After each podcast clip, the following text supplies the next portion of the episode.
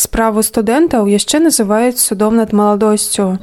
Арыштаваныя 12 лістапада 2020 года 12 чалавек былі асуджаны на тэрміны ад двух да двух з паловай гадоў калоніі.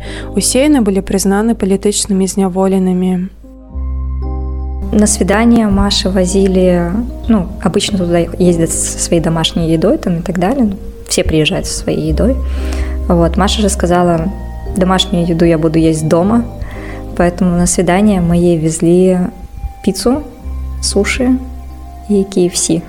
KFC там недалеко от колонии есть. Это вот, может, кому пригодится. На заметочку.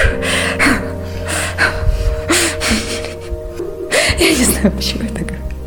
Гэта голас паліны сястры адной з асуджаных студэнтак Машы каленік.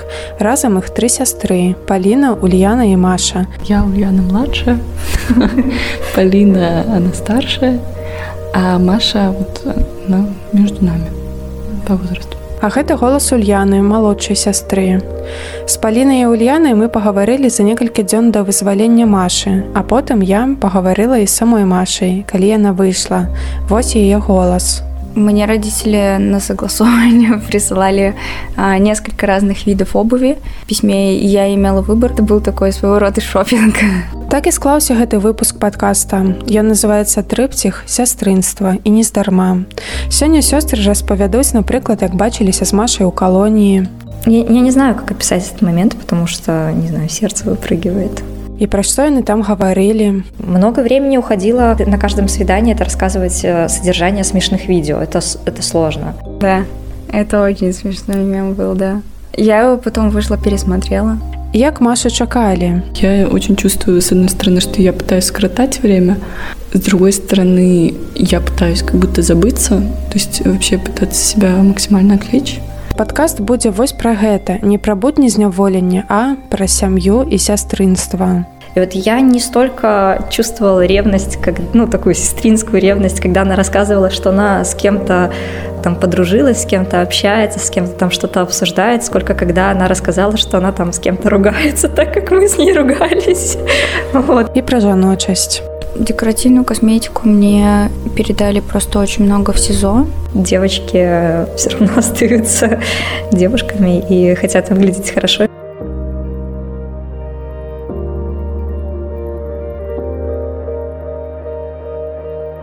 І пачнем наш расповед. Сям'я Машы каленік цікавая, бо яна мастацкая. Усе тры сястры вучыліся ў беларускай акадэміі мастацтваў. А вось якая спецыяльнасць была ў Машы каленік. Я училась на факультете дизайна и декоративно-прикладного искусства. Это пространственный дизайн, но не как интерьерный, это больше был выставочный дизайн. То есть это музеи, выставки, витрины, освещение, да, то есть какие-то промышленные больше объекты, вот. Ну, если вот сравнивать с интерьерным дизайном. Сваю адукацыю ў беларускай акадэміі мастацтваў Маша не скончыла з-за зняволення. А што перадавалі сёстры Машы ў зняволенні і якая праблема тут паўстае? Кажуць Паліна і Ульяна. Касательно многих предметов, например, маркеры, что маркеры должны быть не линеры, Да, да. То есть многие предметы, они так строго-строго категоризированы, и, например, часто просто могут не принять маркер, потому что на нем может быть написано, например, аквамаркер. На, наоборот, наоборот. Короче, там э, ситуация такая, что, например, в СИЗО можно передавать фломастеры, но нельзя передавать маркеры, лайнеры, цветные гелевые ручки, что там еще не принимали, как эти называются, которые подчер... ну, выделители для текста. То есть вот это все нельзя, фломастеры можно. И критериев, почему это не маркер, а фломастер, нету никаких, кроме надписи на самом изделии. Вот, и, собственно, если взять, например, э, маркер и наклеить на него, что это фломастер, то так можно. Гэты ж момант я прашу распавесці саму Машу. Ну, я не знаю, как во всех, но во многих учреждениях, например, если сравнивать Володарку mm-hmm. с Гомельским СИЗО, то на Володарке, я не помню, на Володарке, наверное, можно было фломастеры, а в Гомельском нет, либо наоборот. То есть в каком-то из них э, нельзя было. Вот.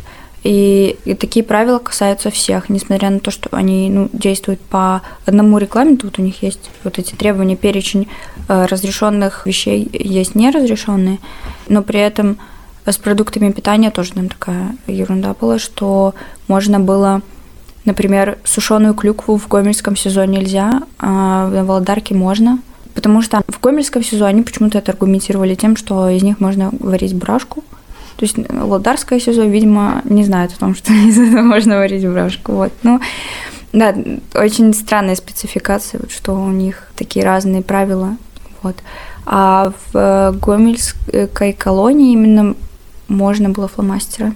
А какая разница поміж маркером и линером? А линер – это как что-то между фломастером и ручкой. То есть э, там очень тоненький фетровый наконечник, который дает э, тонкую линию рисовать, штриховать, но при этом он как бы фломастер, но не совсем. То есть, mm я не знаю, в составах, наверное, разница. А фломастеры очень сильно бумагу, например, разъедают и делают катышки, и наслаивается оно границами, то есть оно очень видно вот штриховать, если там полностью закатывать. Вот, наверное, в этом. Там очень много таких моментов из серии, там обувь не должна быть ну, с высоким каблуком, она не должна быть, по-моему, там блестящей, она обязательно должна быть черной, и даже если там какая-то зеленая прострочка на ней, ну, Маша очень хотела там типа Мартинса в себе, mm-hmm. вот, то такое тоже нельзя. Ну и очень много таких непонятных. А чему Мартинсы? Мне казалось, они по стилю именно к форменной одежде больше всего подходят какие-то грубые ботинки. И я думала о том, что а, Мартинсы достаточно выносливая обувь, но я уже поменяла свое мнение. Вот. Ну, потому что в целом я увидела, что они, оказывается, не такие уж и выносливые. Вот. И что в целом а, отлично заменили просто другие ботинки похожего дизайна. Вот. Ну, я не знаю, я чувствовала себя просто комфортно в том, когда я понимала, что я ношу обувь, которая мне визуально нравится и в которой мне комфортно. Мне родители на согласование присылали а, несколько разных видов обуви. В письме я имела выбор. Я просто выбирала варианты, которые мне больше нравятся. То есть они описывали, вот здесь мягкая кожа, например, вот здесь прям подошва хорошая, mm-hmm. вот тут так. Путем таких вот переписок мы выбирали мне обувь. То есть, ну, по факту, э, как сказать, это был такой своего рода шопинг. Да, и у них там, ну, могут быть, например, категории, то есть это должны быть туфли, э, обувь, это бутсы. Да, да, да. У нас есть очень э, интересная история с э, сандалями. Дело в том, что там требования в колонии – это сандали с закрытым носком. То есть, как бы, несмотря на то, что сандали это должны быть типа... А, босоножки, у них не сандали называются, а босоножки. Но они должны быть закры... ну, с достаточно закрытым носком, чтобы они не вызывали там каких-то... Ну, чтобы их могли пропустить, но при этом они должны быть открытые, чтобы они продолжали называться сандалями. Вот, то есть там есть требования к застежке, и все эти требования, они меняются, короче, периодически. Вот, и очень сложно прямо подобрать обувь не говоря уже там, чтобы она там подошла по размеру, там еще что-то, она должна, ну, типа, соответствовать требованиям, которые, ну, очень сложно учесть все. И очень много таких каких-то ограничений, которые странные, ну, то есть туфли в колонию, ну, то есть туфли это ботинки или туфли это, ну, то есть там такие как бы есть требования, но часто они на усмотрение просто принимающего человека. Чаще сотрудники не принимают на всякий случай, потому что действительно вот эти промежуточные части очень тонкие, поэтому они чаще говорят нет. Типа, да. Да, то есть, например, там крем для лица можно передавать, э, крем для тела можно передавать, а, например, там гель для лица нельзя передавать. То есть, что еще?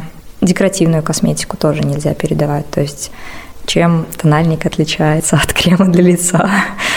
То есть какие-то такие вот вещи. А как умывать твар? Там как бы несколько таких моментов. Во-первых, часть косметики, ну, по крайней мере, что я могу сказать по Маше, часть косметики, она, ну, она прям очень сильно такая следит за, за собой, очень ей это важная часть ее жизни, краситься, там вот это все, уход за собой. И она позаботилась об этом заранее. Она заранее просила какие-то там декоративную косметику и уходовую косметику еще в СИЗО. В СИЗО правила немножечко помягче в этом плане. Это можно брать с собой в колонию. Да, да и она могла взять с собой часть в колонию. Плюс у них там еще есть магазин у них там, по-моему, два раза в месяц товарка. Я боюсь соврать, сколько раз. И там она может купить какую-то ну, белорусскую косметику. А вот. Но там иногда ничего нету, иногда нету того, что ей надо. Но я думаю, она об этом подробнее сможет рассказать. Декоративную косметику мне передали просто очень много в СИЗО, там можно. И я просто с ней въехала. Вот, там действительно очень большие сложности с классификацией продукта, потому что сейчас многим передают косметику, где-то заказывают на зарубежных сайтах или передают из ну, каких-то других иностранных брендов, которых нет у нас. И, естественно, они не имеют русского перевода. И если там не написано русскими буквами, что это крем для, там, для чего-либо, они очень любят такое принимать. Мне передали просто корейский SPF крем, и там не было на русском mm-hmm. ничего, но там было на английском. И в целом там просто большой кружочек на упаковке, где написано SPF. Но они очень не хотели его принимать, потому что ну, нет слова крем. Вот. Я не знаю, у них очень сильная разница для них э, крем или гель, которую, ну, я не понимаю. Ты карысталася дэкаратыўнай касметыкай у колонии? Да, регулярно. А чаму это важно? Мне хотелось вот просто, не знаю, мне помню, у меня была очень такая яркая помада. Сейчас я понимаю, что у меня оттенок немножко не подходит, но мне казалось, что он очень подходит под цвет платья. И, ну, не знаю, мне нравилось сочетать э, как-то косметику, что я могу э, выбирать, как я сегодня накрашусь. А, прикольно. Колер сукенки это про там были такие розовые у кветочку, да, вот это? Да. Добра А што падыходзіць да синего ватника желтой биркой. Когда уже холодало, я носила красную помаду. Угу. Она была не красная, она была такая темно-красная, ближе к кирпичному. Мне казалось, что она неплохо смотрится.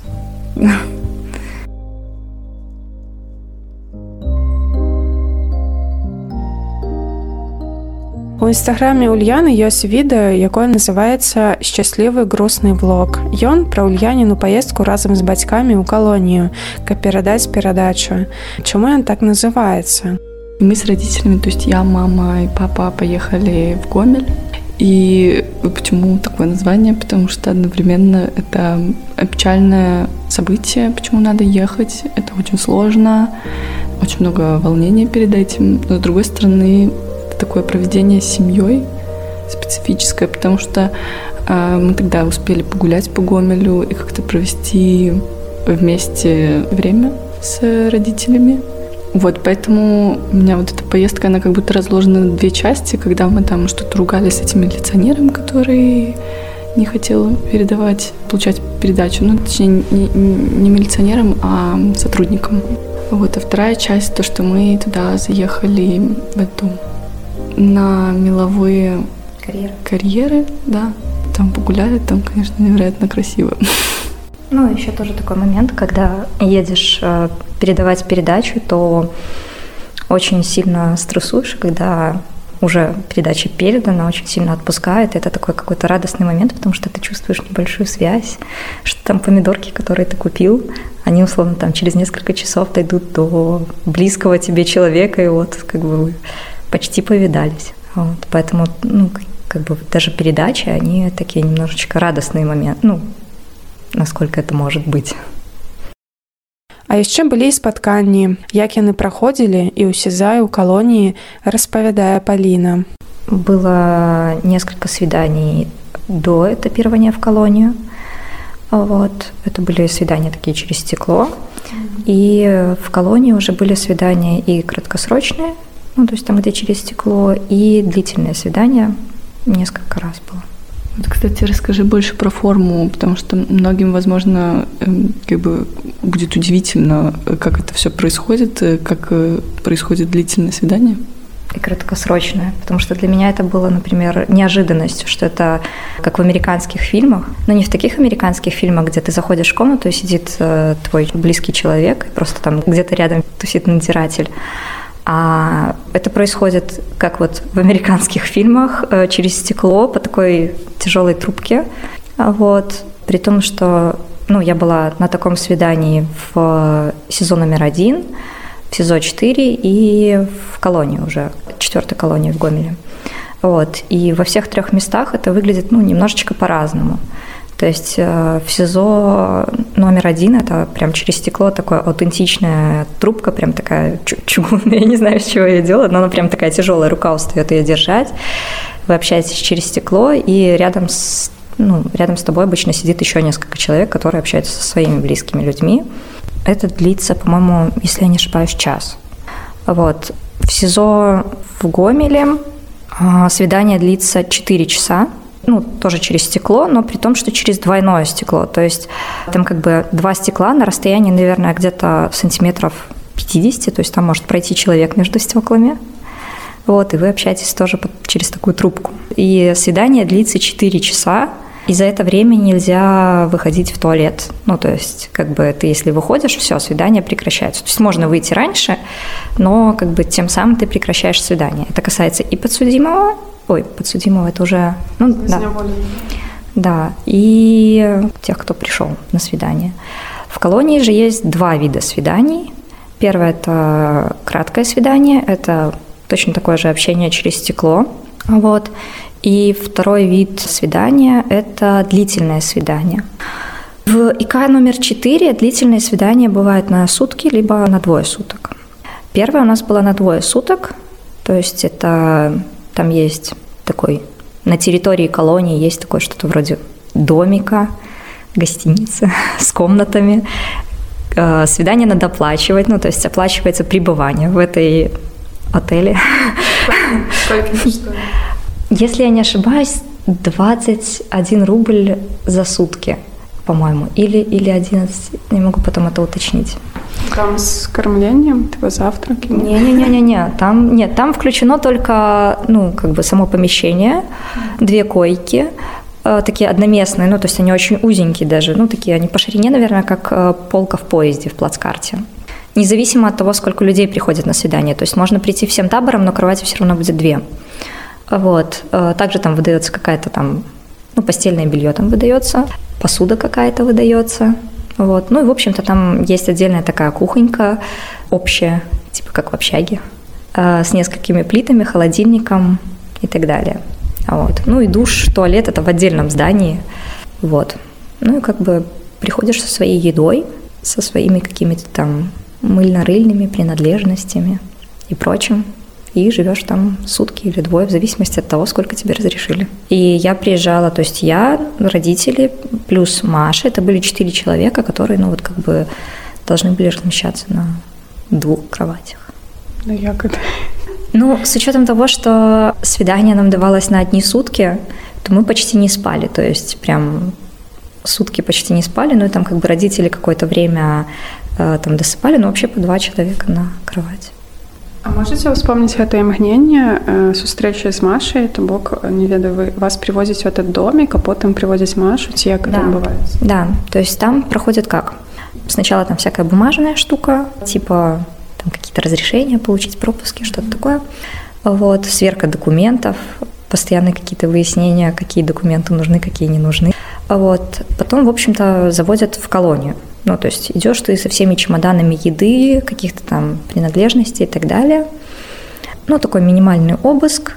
Потом заводят в этот домик. Там распределяют комнаты, ну, какой семье, какую комнату. Дальше вы заходите и обыскивают все вещи, которые вы принесли, ну, и в том числе как бы комнату. И я так понимаю, что в этот момент обыскивают э, заключенных. И только после того, как уже все комнаты пройдены, все комнаты обыщены, обысканы, просмотрены, заводят уже заключенных. Вот как-то так.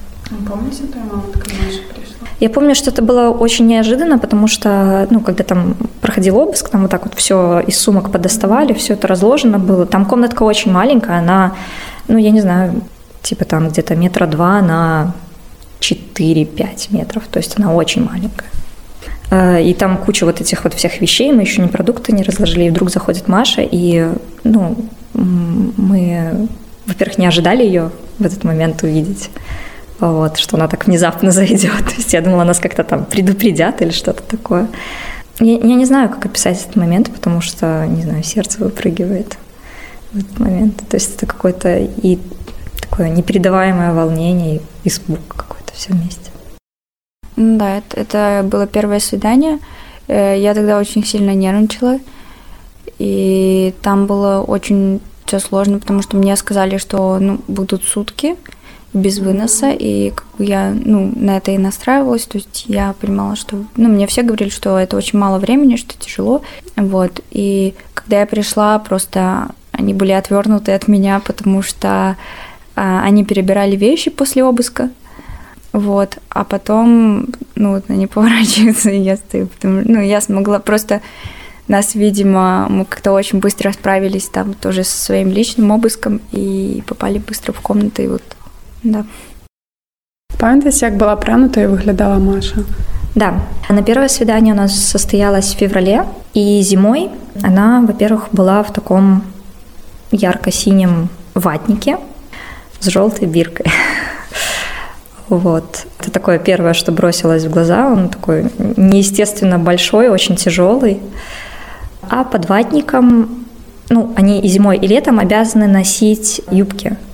То есть независимо от погоды, у них такая типа как пиджак цвета хаки и э, юбка-карандаш ниже колена, но девочки все равно остаются девушками и хотят выглядеть хорошо, и много кто там подшивает как-то по фигуре и так далее. Ну и, в общем-то, не знаю, может, там размеры еще как-то отличаются. Вот. А летом у них э, у всех розовые платья. Цветочек? Да, то есть мелкий цветочек. Нежно-розовое платье, мелкий цветочек. Такое платье-халат.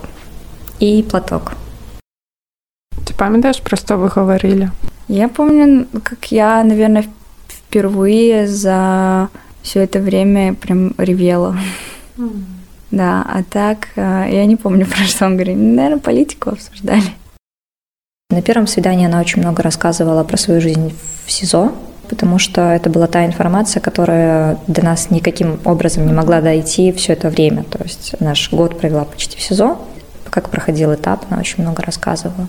Вот. Ну, а так в основном на какие-то такие совсем обычные вещи, про фильмы, про книги, про косметику, про мемы. Много времени уходило на каждом свидании это рассказывать э, содержание смешных видео. Это, это сложно. Mm. Ну да, то есть как бы... А можно приклад? Ну, то пока атрымляецца человек сидзіць в колонии без интернета, конечно, да, да, да. и он выпадает с этой мемной истории. Да, да, да. То есть помимо того, что надо описать сам мем, надо еще объяснить контекст.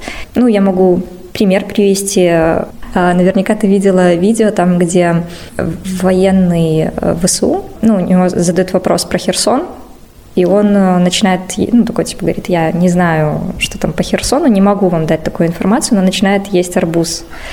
Само видео, оно очень короткое, то есть это там буквально там даже меньше минуты, но рассказать контекст, рассказать, где находится Херсон, потому что, ну, тоже человек, который там сидит два года вообще там, ну, как бы был в Украине, но как это расположение там географическое городов плохо себе представляет. Это все уходит на это время, чтобы рассказать, объяснить. Объяснить, почему это смешно. Опять же, как бы тоже такие вещи. В память стоишь такое? Да, да. Это очень смешной мем был, да. Я его потом вышла, пересмотрела. Да? Да, он мне очень понравился. Я помню, был еще мем про э, четыре точки, про то, что Лукашенко знал, откуда готовится нападение, да, и что он мож, мог показать карты.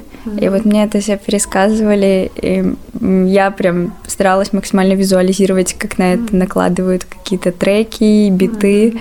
Ну, это очень смешно было, да. Я их потом рассказывала другим. Да, На свидание Маши возили, ну, обычно туда ездят со своей домашней едой там и так далее. Ну, все приезжают со своей едой. Вот. Маша же сказала, домашнюю еду я буду есть дома, поэтому на свидание мы ей везли пиццу, суши и KFC. У нас прям каждый раз был один и тот же маршрут, что пиццу мы заказывали в Минске, суши тоже в Минске, ну, в проверенных местах, а KFC там недалеко от колонии есть. Это вот, может, кому пригодится на заметочку. Я не знаю, почему я так Я не хотела просто, чтобы мой организм как-то привыкал. К хорошему быстро привыкаешь очень. И я очень боялась, что мой организм привыкнет к нормальной домашней еде. К такой, мне кажется, ее можно назвать здоровой, когда это отварные какие-то овощи или... Ну, то есть эта еда более полезная, чем та, которую давали. Я очень боялась, что у меня организм, во-первых, отторгнет ее, что ну, будет как с непривычки, mm-hmm. вот. Либо что мне потом будет, ну, тяжелее есть именно колонийскую еду. Для меня домашняя еда – это оливье, это когда там папа готовит мясо, или это плов фруктовый. Ну, то есть много таких э, блюд каких-то именно вот, которые мои любимые именно у меня в, в моей семье. Ну, я предпочла фастфуд, потому что мы в целом им не питаемся постоянно, мы питаемся им иногда, и в целом вот эта периодичность меня устраивала. То есть раз mm-hmm. в 3-4 месяца поесть фастфуда, ну, не в 3-4, там больше, но это, как сказать, не нужно было сильно перестраивать организм, потому что типа, фастфуд не такой же полезный.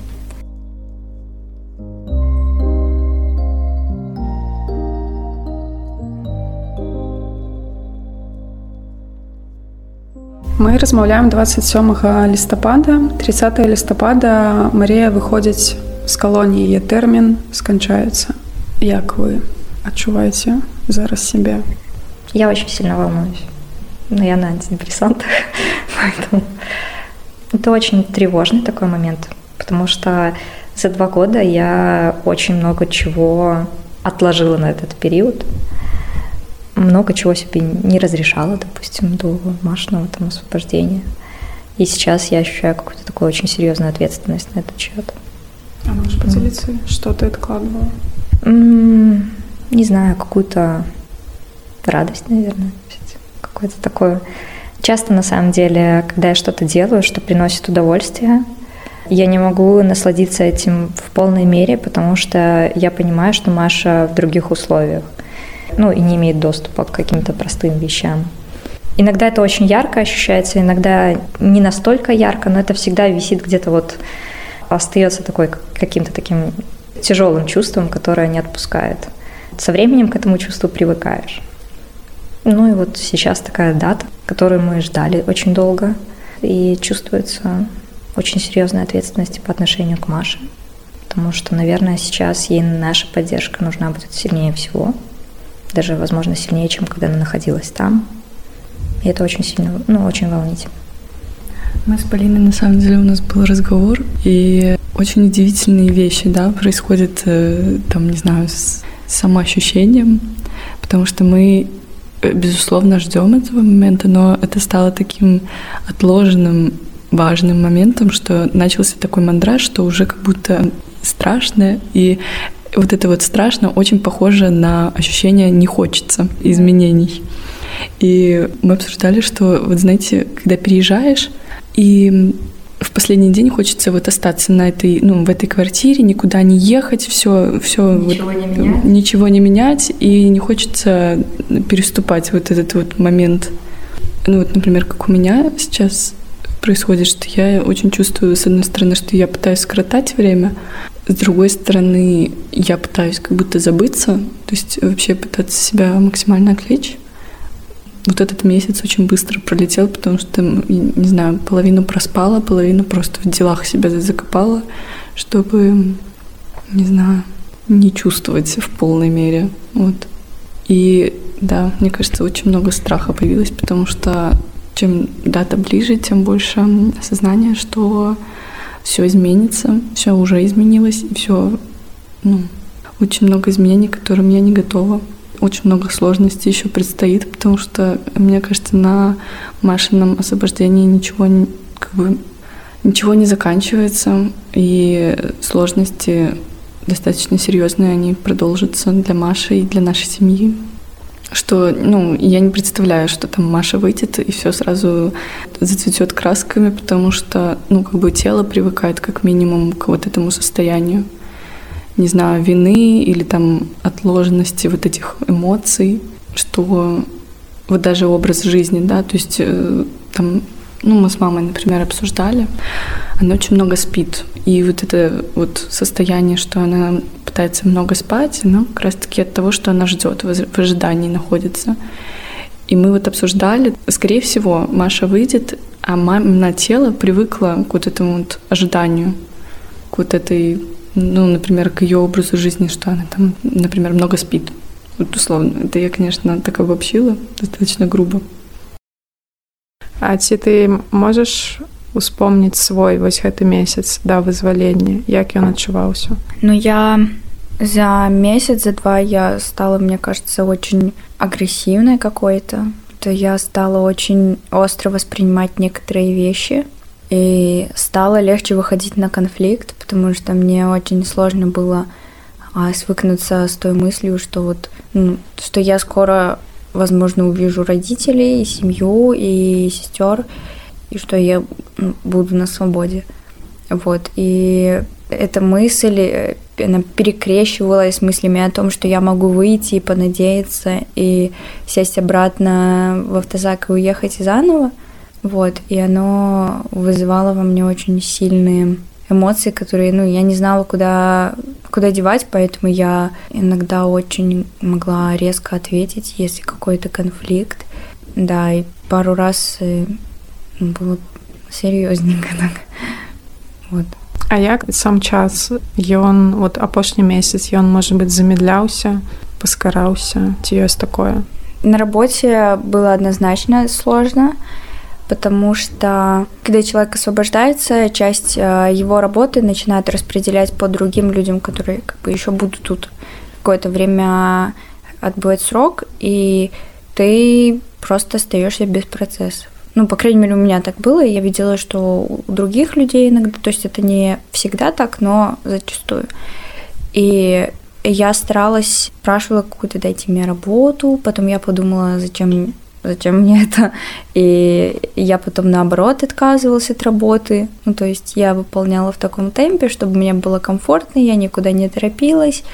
Я стала больше так где-то рисовать, где-то там подходить к кому-нибудь, поговорить там или еще что-нибудь. То есть я старалась отвлекаться уже именно не на работу, а на какие-то более отвлеченные темы. Ну, время начинает тянуться очень сильно, поэтому ну, мне было важно что-то в это время делать, но я не могла себя заставить, и я уже, наверное, стала меньше намного отвечать на письма, у меня уже такое было режим энергосбережения, я вот все копила, я очень много просто могла сидеть и просто думать, вот визуализировать все это у себя в голове, и там, то есть у меня на такие самокопания какие-то, на внутренние какие-то мысли. У меня уходило много времени, поэтому в целом я, наверное, вот так два месяца и пробыла. Ну, для меня вот, например, э, ощущение вот от Машиного освобождения, это вот как перед свадьбой. Ну, я, мне кажется, я перед своей свадьбой так не готовилась, так не переживала, потому что, э, во-первых, ну, как бы ну, Ульяны в меньшей степени, но вот у меня, например, сейчас много хлопот, там, типа, связанных с тем, чтобы поехать в Минск, там, заказать там какие-то цветы, там, и так далее, добраться, какая-то логистика, с ее друзьями договориться тоже, которые хотят ее встретить. С этим тоже, как бы, там есть такое условие, что возле колонии нельзя будет встречать, то есть это тоже надо как-то сделать аккуратно. И очень много таких каких-то хлопот, но за счет того, что ты воспринимаешь э, момент слишком ответственно, ты к моменту относишься более ответственно, и эти хлопоты превращаются в очень большие хлопоты. То есть я на свою свадьбу не так э, выбирала букет, как Маша на, на, на то, чтобы ее встретить. При том, что ну, я понимаю, что, скорее всего, она не сильно там этот букет и заметит и так далее. Но это кажется ну, для меня чересчур важным. Ці памятаешь ты букет? Да. Я помню, что он был очень огромный. Ну, у меня есть фотография. Вот. И он мне в целом как бы визуально нравился, и мне было очень приятно. Ну да. Это были гвоздики разных цветов. Ну, таких преобладающие, там розовый, какой-то фиолетовый, по-моему, белые еще были. В очень красивой бумаге тоже, в розовой, такой в пастельных тонах э, розовая и такая сиреневая. И совсем непонятно, что будет потом после освобождения. Потому что ты, несмотря на то, что я с ней виделась на свиданиях, я все равно плохо себе представляю, каким человеком она выйдет. Ну, не в плане там плохого, что она там, знаю, а в плане, что ее будет волновать, как она будет себя чувствовать и так далее. Насколько ну, это травмирована, что ей будет надо. Мне кажется, ты делилась э, уже мыслью о том, что Машу в каких-то чертах уже не узнать, э, что она, правда, успела поменяться за этот короткий период, да, и в этих коротких встречах уже, ну, проявились какие-то отличия. Ну, и оно, это сложно иногда, наверное, принимать сразу же, потому что как-то это те вещи, которые не проходят плавно и незаметно, а это такие, ну, как бы резкие, наверное, изменения, пока не общаешься человеком. Да. Я хотела прояснить, что э, встречать э, поедет Полина. Я остаюсь в Вильнюсе. Из соображений безопасности. Да, что мы решили, что это... Это в том числе Машина решение. Да, Маша попросила, чтобы я ее не встречала. Вот. И что, мне кажется, на фоне этого мы с Полиной тоже разные ощущения переживаем, потому что у Полины очень много технических каких-то задач, а у меня вот как-то Просто ждать. Просто как-то это все прожить, э, вот это вот ожидание. И я понимаю, что, ну, например, со мной я не, не первая, кто узнаю, не, не первая, кто узнает, как это все выглядело, и ну, э, не знаю, как сформулировать. Что как будто надо очень много терпением запастись э, на вот эти вот дни. Да, при том, что такой момент, что до задержания Маша с Ульяной жили вместе. То есть они, наверное, даже в чем-то ближе. И на этот счет вот я хотела сказать по поводу того, что вот она изменилась. Ну, как бы у нее там появились э, люди, с которыми она близ, ну, близка. То есть э, у нее там появились друзья, подруги, которые на эти два года были ближе, чем мы. И вот я не столько чувствовала ревность, как, ну, такую сестринскую ревность, когда она рассказывала, что она с кем-то там подружилась, с кем-то общается, с кем-то там что-то обсуждает, сколько когда она рассказала, что она там с кем-то ругается, так как мы с ней ругались. Вот, я тогда начала испытывать такую вот прям ревность, и я понимаю, что за эти два года у нее появились люди, которые гораздо ближе, с которыми она прошла гораздо более какие-то серьезные, не знаю, там трудности, чем, допустим, со мной. Вот. И это тоже как-то так тяжело, и для меня это как-то страшно. Что было пасля вызвалення? Ці стала ты іншым человеком? Да. И я сейчас... Я воспринимаю эту вот жизнь как жизнь до и после. То есть это такой момент э, какого-то перерождения – потому что я вышла оттуда совершенно уже другими мыслями, я по-другому стала воспринимать э, мир, людей, ну, все начала по-другому воспринимать. Поэтому, да. А в плане характера что-то изменилось? Я не знаю, что из этого назвать характером, но у меня сейчас на какие-либо вещи иногда другая реакция, то есть не такая, какая была до, Особенно если это касается там Белоруссии, политзаключенных, ну вот, вот всей истории. Я, мне кажется, сейчас а, стала более остро воспринимать эту тему, и э, для меня она теперь более личная стала. Поэтому если раньше я, наверное, смотрела через какую-то призму наблюдателя, то сейчас я воспринимаю все это как участника.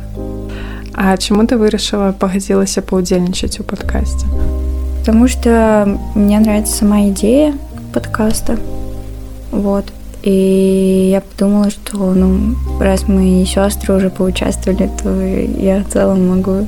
Ну, я это воспринимаю как какой-то триптих, как картину художественную, вот, поэтому, да, ну, триптих мне нравится больше, чем диптих, поэтому я, да, наверное, так.